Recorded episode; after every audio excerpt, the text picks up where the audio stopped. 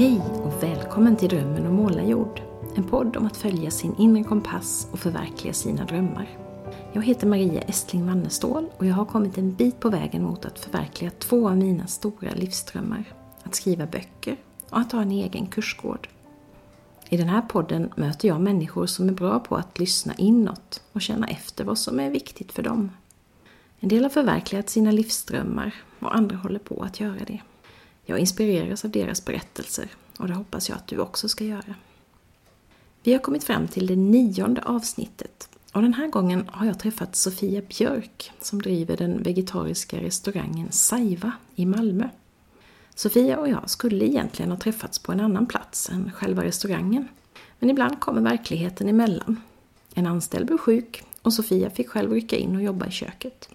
Därför spelades vårt samtal in just där, i händelsernas centrum i restaurangköket. Det innebär att du den här gången får en bakgrundsfond av fläktar, diskslammer och lite annat som hör restaurangmiljön till. Kanske är det lite jobbigare än vanligt att lyssna, men samtidigt får du möjligheten att verkligen vara där med oss, mitt i Sofias vardag. Välkommen in i köket.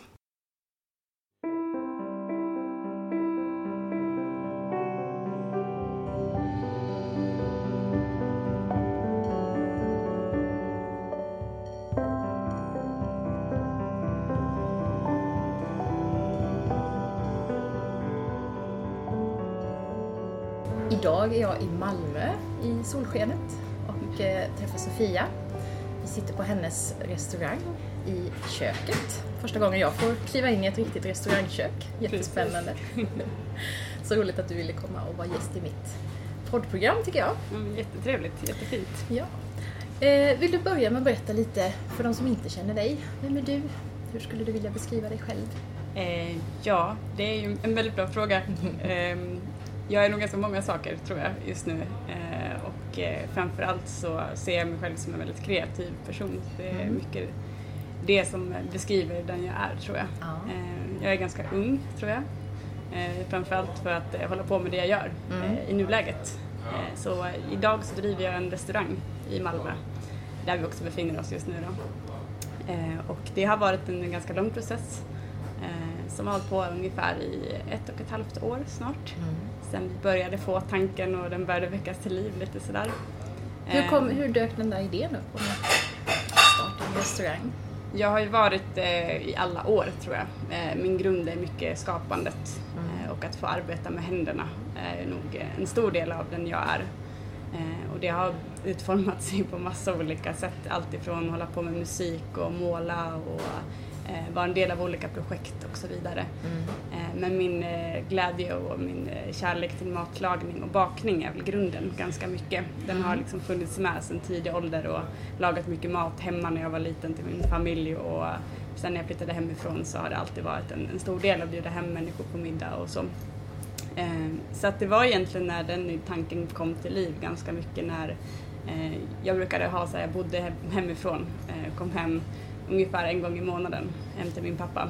Och så satt vi hemma i köket ungefär som vi gör nu och hade lite en sån vart befinner du dig i livet just nu samtal. Så väldigt fint och ehm, en av de gångerna så pratade vi just om den här drömmen Ja. eh, om att starta restaurang. Var det din dröm eller var det pappas dröm eller var det bådas? I dålaget så var det min dröm Ja. som jag la upp så att nu pappa, nu vet jag vad jag ska göra. eh, och eh, då var det mycket café som var grunden egentligen. Eh, Eh, och eh, det var alltid min dröm så att eh, sammanföra människor, förena människor och kunna kombinera alla mina olika drömmar ehm, till en, en skapelse lite så. Så jag kommer ihåg just den ehm, den eftermiddagen då när jag berättade om det här. Och då sa han ingenting om det, hans egen dröm utan han bara lyssnade och vi pratade lite grann om det. Och sen ungefär tre veckor senare så hörde han av sig igen och då sa han du Sofia, ska vi inte starta en restaurang? Wow. Eh, så det var... respons du fick så. Ja, verkligen. ja. Och jag var väldigt chockad för att eh, för min del så tänkte jag att det här var som vilket samtal som helst och det här Mm. kanske händer om tre år och, eh, eller någon gång i mitt liv. Men eh, tydligen så har det varit hans dröm också väldigt länge utan att jag själv har vetat om det. Det har ni alltså inte pratat om tidigare så? Inte en riktigt på det sättet.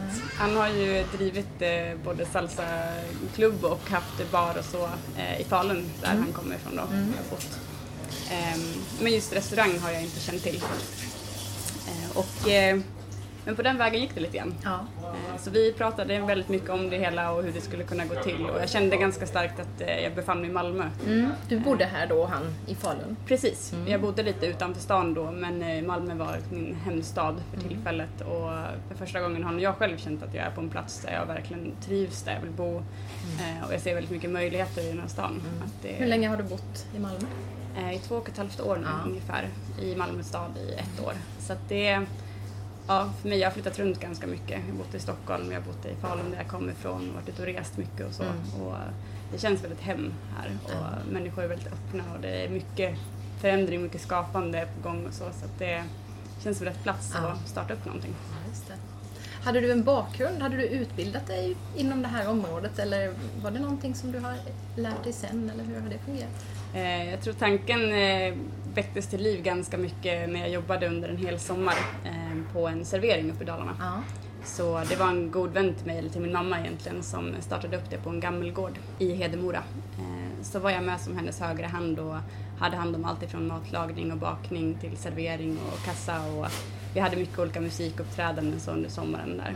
Eh, så att jag fick verkligen testa på allt vad det innebär att driva någonting eh, men inte den här ekonomiska biten och företagarbiten. Så. Sen kommer jag själv från en familj där vi bara helt och hållet är egenföretagare så det har nog alltid varit min grund tror jag ganska mycket. Inte intresserat mig så mycket för högskoleutbildningar och, och den biten utan få lära mig att jobba praktiskt. Men då, har du inte heller, då hade du inte redan på gymnasiet bestämt dig så att du läste någon sån här livsmedels eller hotell restaurang Nej, jag, heller, jag studerade precis estetisk inriktning. Ja. Eh, Jag var inne på tanken att byta till bageriutbildning Ja. men det funkade inte praktiskt med eh, eh, skolor och så vidare.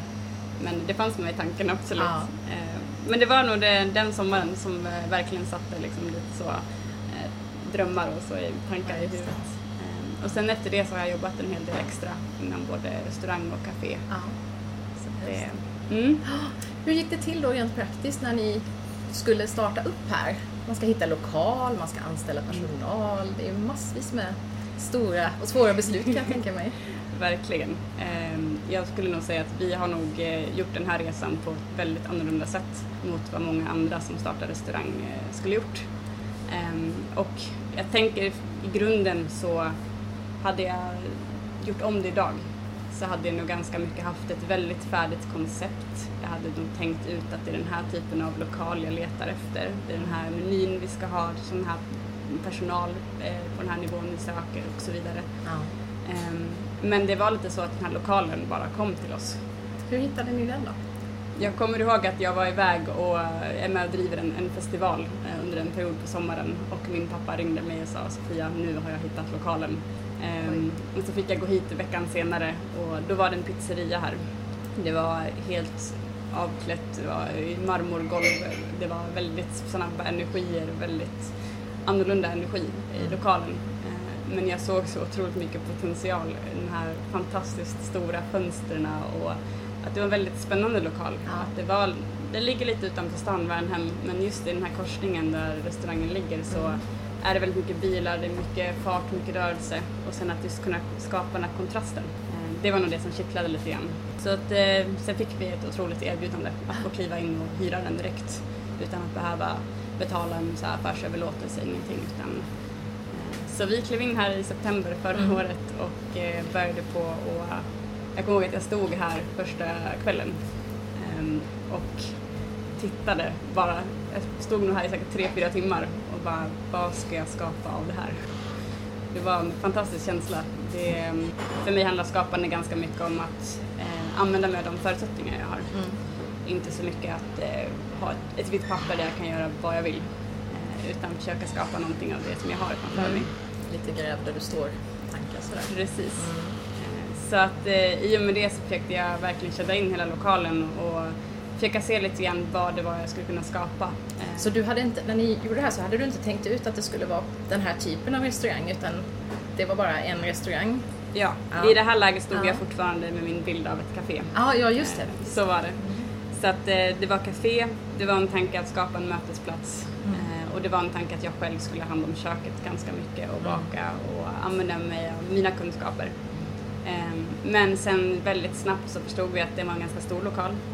Eh, Vi tittade lite grann på utbudet runt omkring och eh, vi bestämde oss för att vi kommer nog behöva ha ett ordentligt kök Mm. och så vidare. Så då väcktes tanken till liv att skapa eh, lite så en gränsöverskridande verksamhet, att det var både restaurang, att det var café.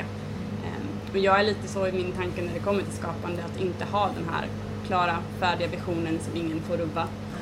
Eh, och det kan vara en fördel ser jag på många sätt och också en nackdel. Eh, så att jag har låtit det vara ganska fritt och ville väldigt gärna att eh, Värnhem skulle få vara med och skapa lite den här platsen tillsammans med Ja. oss. Att ge dem allt, se lite grann vad är det de eh, behöver, vad är det som saknas i det här området och vad är vi för dem? Ganska Så ni gick mycket. ut och frågade? Jag var ute och frågade mycket. Vi startade Facebook-sida så ganska tidigt och gjorde lite undersökningar och sen när vi öppnade dörrarna i eh, sista februari här, ehm, då var vi både café, vi hade öppet på eftermiddagarna, eh, vi hade restaurang på kvällarna och vi hade mycket konserter också. Mm. Eh, Tanken var ju att skapa en kulturscen med musik och olika arrangemang. Men det gick ganska fort att se vad människor ja, såg oss som och vad de ville ha här helt Ja. enkelt. Eh, Så vi blev ganska snabbt en restaurang.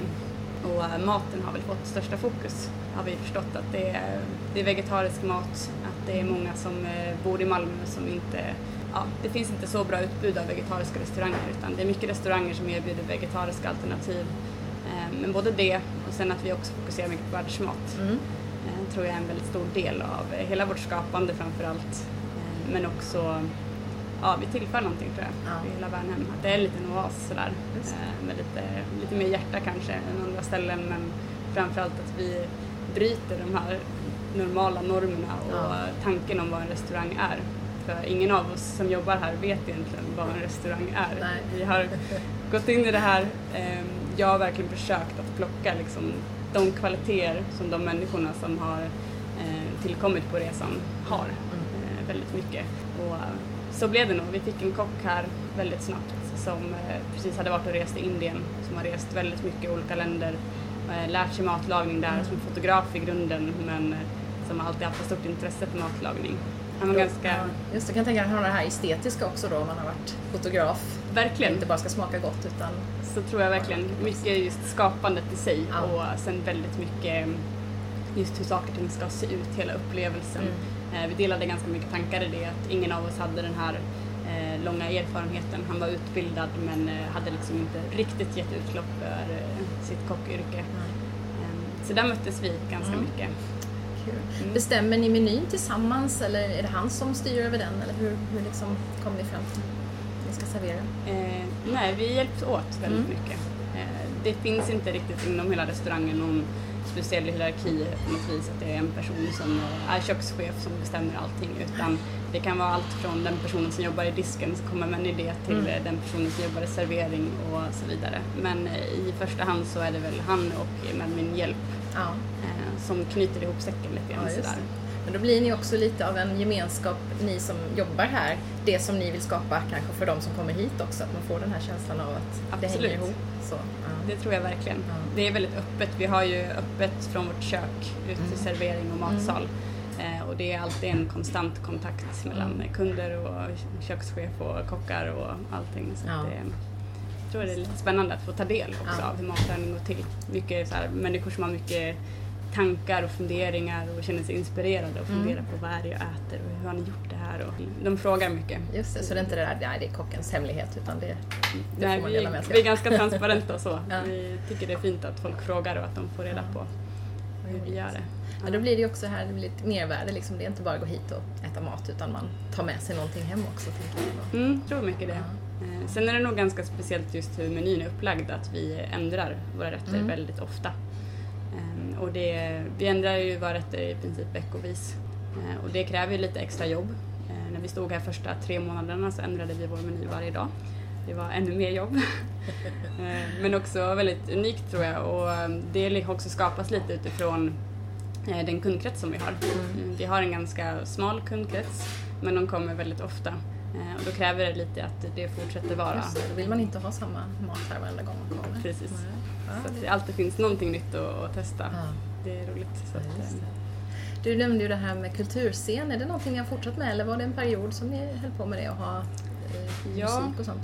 eh, det började med musik. Mm. Det var första delen. Vi byggde en scen.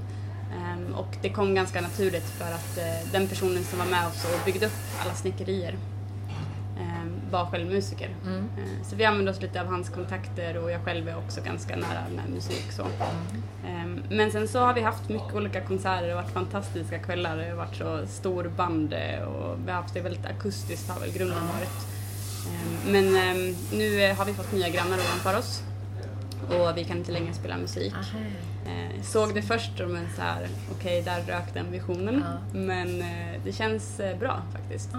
Känns som att det ger utrymme för att eh, fullfölja den grundläggande tanken ganska mycket som var alltifrån att vi har startat ett quiz på torsdagar, väldigt mysigt och folk kommer hit och pratar med varandra och sitter i sina lag och Mm. diskuterar. Eh, tänker också lite så filmvisningar med teater och eh, få in mer konst också. Ja, just det, sånt som inte låter så mycket då men som ändå kan Precis. bidra till stämningen och Ja. mötena och sådär.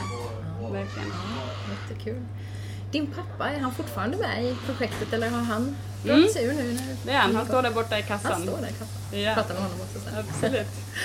Eh, nej men han är fortfarande en del av det. Ja. Eh, grundläggande tanken var ju att han skulle vara med och starta upp det här. Ja. Eh, sen överlåta allting till mig och åka tillbaka upp till Falun i sitt liv. Det har slutat med att han har avvecklat hela sitt liv Okej. och flyttat ner till Malmö. Så vi gör allting tillsammans just Ja. nu. Hur är det att jobba ihop med sin pappa? Funkar det bra tycker du? Det är spännande kan jag Ja. säga. Eh, Det har absolut varit upp och nedgångar. Vi stod här en period förra vintern och bodde i samma lägenhet, eh, fokuserade bara på restaurangen och byggde varje dag tillsammans. Och ehm, det har varit otroligt mycket glädje. Det har absolut varit svårt. Eh, När svåra situationer uppstår och kunna behålla liksom känslan av att vad är viktigast? Är det restaurangen? Är det vår relation? Eh, Och kunna prioritera rätt och lyssna på varandra. Det är mycket det det handlar om. Eh, Men jag måste nog säga att vår relation funkar otroligt bra oavsett, även fast det har varit otroligt mycket jobb och jag själv ser det nog som att det är en ynnest att ha varit med honom så här länge. Eh, Vi har inte sett så mycket innan vi drog igång det här utan mer än någon helg då och då. Så det har varit väldigt roligt. Häftigt. Hur kan en arbetsdag se ut för dig här? Är du här tidig morgon till sen kväll eller? Ja, det det är olika men oftast är den lång. Ja. Eh, I nuläget så jobbar jag själv som lunchkock. Mm. Eh, Jag har kastat in i köket igen efter några månader sådär. Eh, Och det är väldigt roligt. Så ofta så kommer jag väl hit vid åtta eller nio på morgonen. Tar emot den dagliga leveransen och sen börjar jag på att laga min mat. Då ändrar vi mat varje dag på luncherna och jag får själv tänka ut den rätten som jag ska laga. Allting handlar väldigt mycket om att planera, mycket tänka ut vilka kvantiteter ska jag laga, hur ska jag laga den här maten, hur ska jag servera den. Eh, Och det där står jag varje dag medan jag lagar maten och försöker tänka ut hur ska jag lägga upp den här rätten på en tallrik, hur ska jag varmhålla den, hur ska jag... ehm, För att förmedla hela den upplevelsen lite grann. Ja.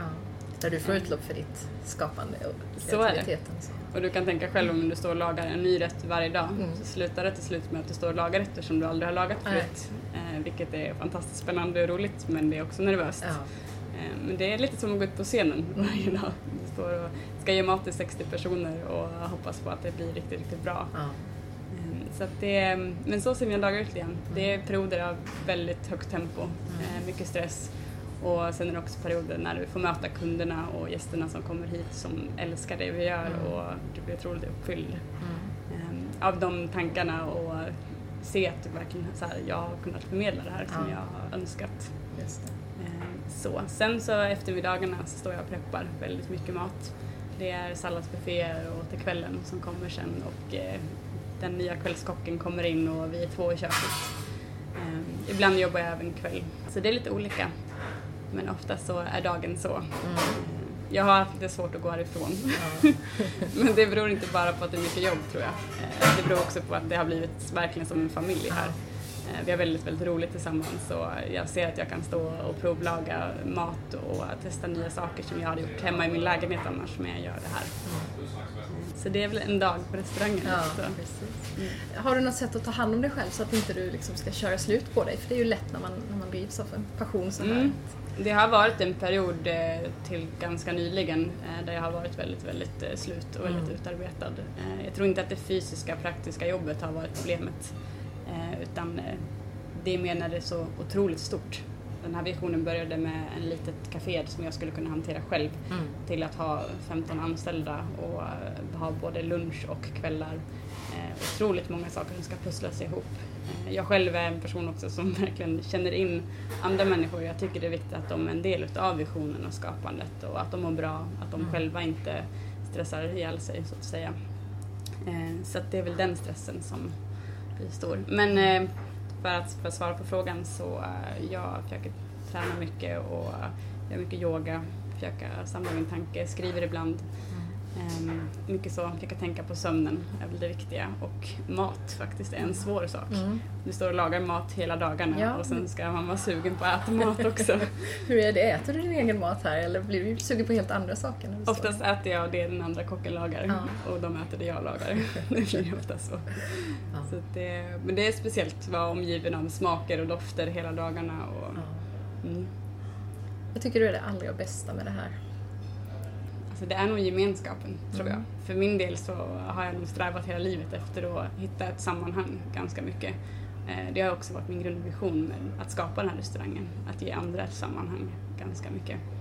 Eh, och det känner jag nog av eh, i hela det teamet där vi jobbar, att det ger mig otroligt mycket glädje att känna mig totalt hemma när jag kommer till jobbet, att jag är så otroligt fri mm. i vad jag skapar. Att jag har en arbetsplats där jag kan få en idé och jag, varje dag och jag kan få fullfölja den. Det, det är nog det absolut bästa. Mm. Mm. Vad är det värsta då? Är det att du måste jobba så långa dagar eller? Det, det värsta är ju nog när de här situationerna uppstår att jag känner att eh, jag måste höja andra människor, framförallt de som jobbar här. Mm. Eh, när det uppstår situationer som är väldigt stressiga. Det kan vara att någon är sjuk eller att eh, en situation inte fungerar. Eh, när det är tuffa beslut som måste fattas helt enkelt det är nog det som, som tär mest, mm. Eh, tror jag. Mm. Mycket för att där går, överensstämmer inte riktigt den här grundvisionen. Eh, och jag försöker att lappa ihop det att ja. få det funka igen. Hur tänker du om framtiden? Tror du att du är kvar här om tio år? Funderar du på det? Så jag har funderat en del på det här och det är väldigt intressant just hur eh, det här med skapande fungerar och hur det mm. fungerar just för mig. Eh, och jag tror att jag inte är en person som skapar någonting, fullföljer det och sen är det det jag gör i flera år framöver. Utan jag har så otroligt mycket olika eh, saker som jag tycker är intressant och som jag vill fullfölja. Mm. Eh, det har också, tror jag, varit min stora svaghet på ett sätt. Att kunna just bestämma mig för någonting som jag ska göra, som jag ska satsa på. Mm. Eh, och det här var min stora utmaning, att verkligen satsa på den här restaurangen, att verkligen skapa den, eh, fullfölja det jag vill nog se att det fungerar. Jag vill gärna se att det är hållbart. Jag skulle önska att den fortsätter finnas. Eh, men att kanske jag själv inte är en del av det utan kan gå vidare och fortsätta skapa någonting annat. Ja, Har du några tankar om det? Några drömmar sådär som du funderar på? Du är ju den yngsta gästen i den här podden hittills. Det är så. Eh, så jag kan tänka mig, du har så väldigt många år kvar att mm. leva och göra saker. Alltså, jag tror det här med matlagning och mycket med smaker och hela den här branschen. Den har verkligen eh, bara blivit som ett frö som börjat gro lite av det här. Mm. Eh, och jag känner nog att jag verkligen skulle vilja utveckla det otroligt mycket mer. Och resa och lära mig mycket mer om eh, just matlagning i olika kulturer. Och sen har jag väl en tanke att kanske starta om någonting sånt här på nytt mm. med den här erfarenheten i bakfickan lite grann. Ehm, och sen också få mer influenser och kanske göra det som jag sa från början, att verkligen ha ett uttänkt koncept och leta efter rätt lokal som är anpassat för det. Mm. Ehm, jag tror att det också skulle ge mycket mer glädje i den skapelsen. Så det, men sen har jag också haft en, en tanke som är väl grunden ganska mycket till varför jag har gjort det här. Ehm, och det är väl kanske lite samma tema som den här podden handlar om, att just kunna inspirera andra människor. Och jag tror att det, det är svårt svårt att ha en tanke att okej, okay, jag, vill, jag vill inspirera människor. Eh, I mitt fall ungdomar väldigt mycket. Mm. Och jag är själv ung och sen känna hur, hur når jag fram? Eh, hur går jag tillväga? Hur, vart vänder jag mig och till vilka människor vänder jag mig? Eh, så att jag tror den tanken har växt liv lite grann utav det här. Mycket att jag har varit i kontakt med Arbetsförmedlingen, se ungdomar som står utan jobb, mm. Se ungdomar som har drömmar som står utan jobb fundera lite grann på just, kanske lite grann sammanfatta hela den här resan. Hur har jag gått tillväga från att ha en dröm, en tanke och hur har den här resan varit? Och hur förverkligar man en dröm Ja. utan att ge direkta eh, direktiv för att allting är väldigt föränderligt. Ja. Och individuellt också ju, Verkligen. på vad man har med sig i bagaget och vad man vill göra. Och så. Men jag tror det finns någon så här grundläggande rot lite grann i det. Det spelar inte så stor roll om din dröm är att öppna en frisersalong eller bli musiker eller vad den är, men att mycket handlar om att kunna tro på sig själv. Eh, mycket handlar om att se att allting är väldigt föränderligt. Eh, se också att kanske det är svårt att göra allting helt själv. Eh, och när du har en sån väldigt klar, färdig vision av hur någonting ska gå till är det också väldigt lätt att bli besviken. Men har du ett öppet sinne inför det så är det också väldigt lätt att bli förvånad och överraskad på ett väldigt positivt sätt. Just det. Det känner jag igen också. Att det är väldigt lätt ibland att tänka sig att det ska, det ska ske just så här. Men när man vågar rucka lite på det så händer det ofta en massa spännande saker som man inte hade tänkt sig. Den här Verkligen. podden var ju lite sån. Också, Den kom också till. Det var ingen sån här färdigt koncept från början alls. Nej, den har utvecklats Den har utvecklats. Ja, precis. Och stänga dörren till någonting och då plötsligt finns det utrymme för att skapa någonting annat. Och så. Det tycker jag är jättespännande. Ja men det är väldigt fint. Jag tror att det är väldigt viktigt. Jag tänker liksom där vi står i samhället idag mycket.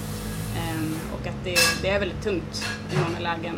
Och det är stora utmaningar överallt på både individuellt plan och eh, i samhället i sig. Men just det här att kunna gå samman och samarbeta och i mitt fall verkligen att kunna ge människor en plats att mötas, eh, öppna upp för samtal och jag tror att det är det som är grunden ganska mycket för att kunna förändra. Har du lunchgäster också som sitter här länge och samtalar, som inte bara tittar in på en snabb lunch utan har de tid att sitta och samtala? Absolut. Så. Jag tror det är absolut här klassiska ögonblicket som har hänt några gånger Ja. som verkligen får det att hoppa till lite extra i hjärtat sådär. Eh, Det är när det kommer in personer som äter lunch själva. Och första dagen kanske de kommer in och sätter sig själva vid sitt bord och äter sin lunch, sen går de därifrån. Eh, Och sen så med tiden så här så sitter två personer själva på varsin sida av bordet och kollar, kan jag sitta vid här? Eh, Och så ser jag att senare under dagen att nu sitter de där och pratar tillsammans och nästa gång kommer de dit och lunchar tillsammans. Och de har liksom fått en ny bekantskap och de möts här och har sina, sin lilla stund varje dag. Så här. Många som säger det att jag kan ha en dålig dag på jobbet och komma hit och bara få prata med någon annan så där. Det vänder hela min dag. Det måste vara jättehäftigt att få vara med och bidra och liksom skapa förutsättningarna för det. Det är inte bara mat utan det, det är någonting mer ni gör här. Verkligen. Jag är så nyfiken på namnet. Saiva, uttalar man det så? Mm, stämmer bra. Var kommer det ifrån? Eh, Det är lite... Det är faktiskt en ganska svår historia. får du gärna berätta. Eh, Men jag är ju, det, är lite, det handlar lite om min bakgrund eh, till att börja med. Och saiva är ett samiskt ord. Eh, Och min mormor och hela min släkt på min mammas sida är samer. Eh, Så, så har väl liksom namnet kommit till liv lite grann. Sen var det egentligen min snickare och goda vän och musiker eh, Kristoffer Carbell som var här och hjälpte oss under hela förra hösten och vintern eh, som kom med namnet till mig. Eh, Och han sa det att jag har tänkt på det här och Saiva, det var någon som sa att Saiva det är, det är en plats som är väldigt magisk. Ja. Eh, som inte har några direkta, det är det här är det det är. Utan det är bara en plats som alla beskriver på olika sätt men det råder harmoni och symbios. Eh, Så jag började kolla upp det lite mer och det visade sig att det är ju sjön där min mormor bor som ligger utanför hennes hus. Eh, Och det finns mycket historia om den här sjön. Eh, Det är väl lite inom den samiska traditionen och tron. De pratar om Saiva-folket som bor längst ner i sjön Och, när du dör så kommer du till Saiva-riket så är det den här magiska platsen där allt är möjligt lite grann. Wow, vilken perfekt, vilket perfekt namn. Ja, Så- det är lite just det. Jag tycker om den tanken just Ja. hur någonting kan komma till mig ganska naturligt. Ja. Fånga upp det lite grann och skapa någonting utav det. Så, att, Göra något eh, eget av det. så har väl det varit både med namnet och alla personer som har varit en del av den här resan väldigt mycket. Men du har aldrig ångrat att du gav dig in på den här banan? Jag har absolut haft eh, svåra stunder eh, när jag har funderat på det. Men eh, det gäller nog ganska mycket att eh, komma ihåg grunden i det. Eh, det var också lite min tanke när du frågade om jag ville vara med i den här podden. Att eh, jag förstod att okej, nu måste jag nog fundera lite grann. Varför gör jag det här? Och plocka ur mig själv ur vardagen lite så och det här hårda jobbet och påminna mig själv lite grann om just den här grunden. Vi kan stå här varenda dag och höra människor prata gott om det vi skapar. Men det är svårt ibland att ta till sig det.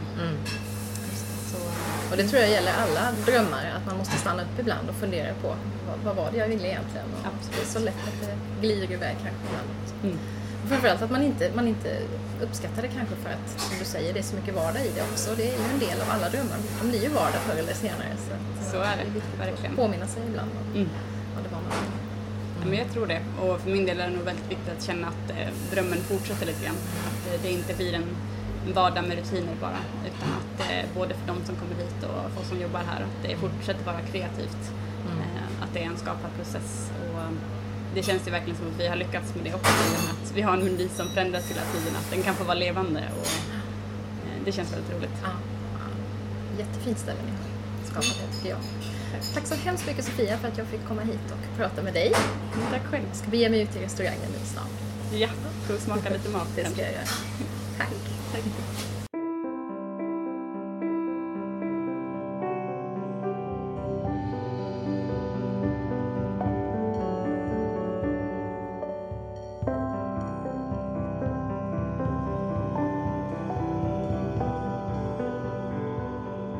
här var alltså Sofia Björk.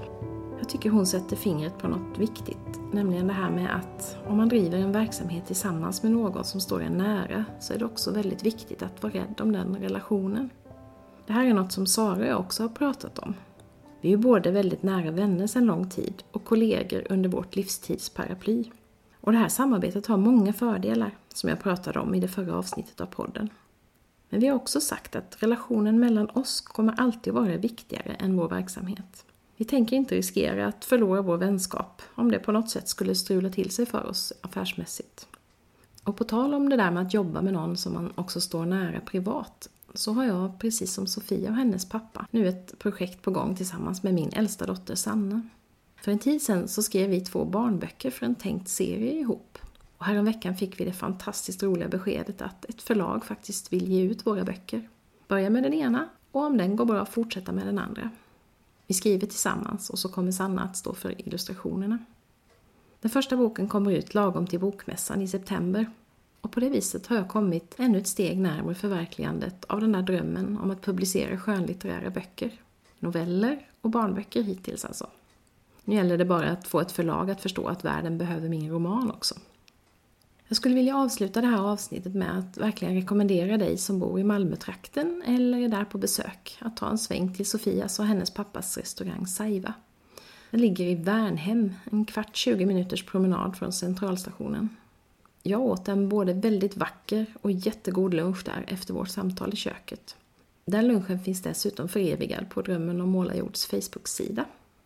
Och så allra sist, ha nu en riktigt härlig jul och nyårshelg. Om du lyssnar på det här avsnittet före jul vill säga. Jag hoppas att den blir precis på det sättet som du trivs allra bäst med. Antingen riktigt vilsam och avkopplande, eller full av aktivitet om du nu föredrar det. Eller kanske en skön kombo av båda.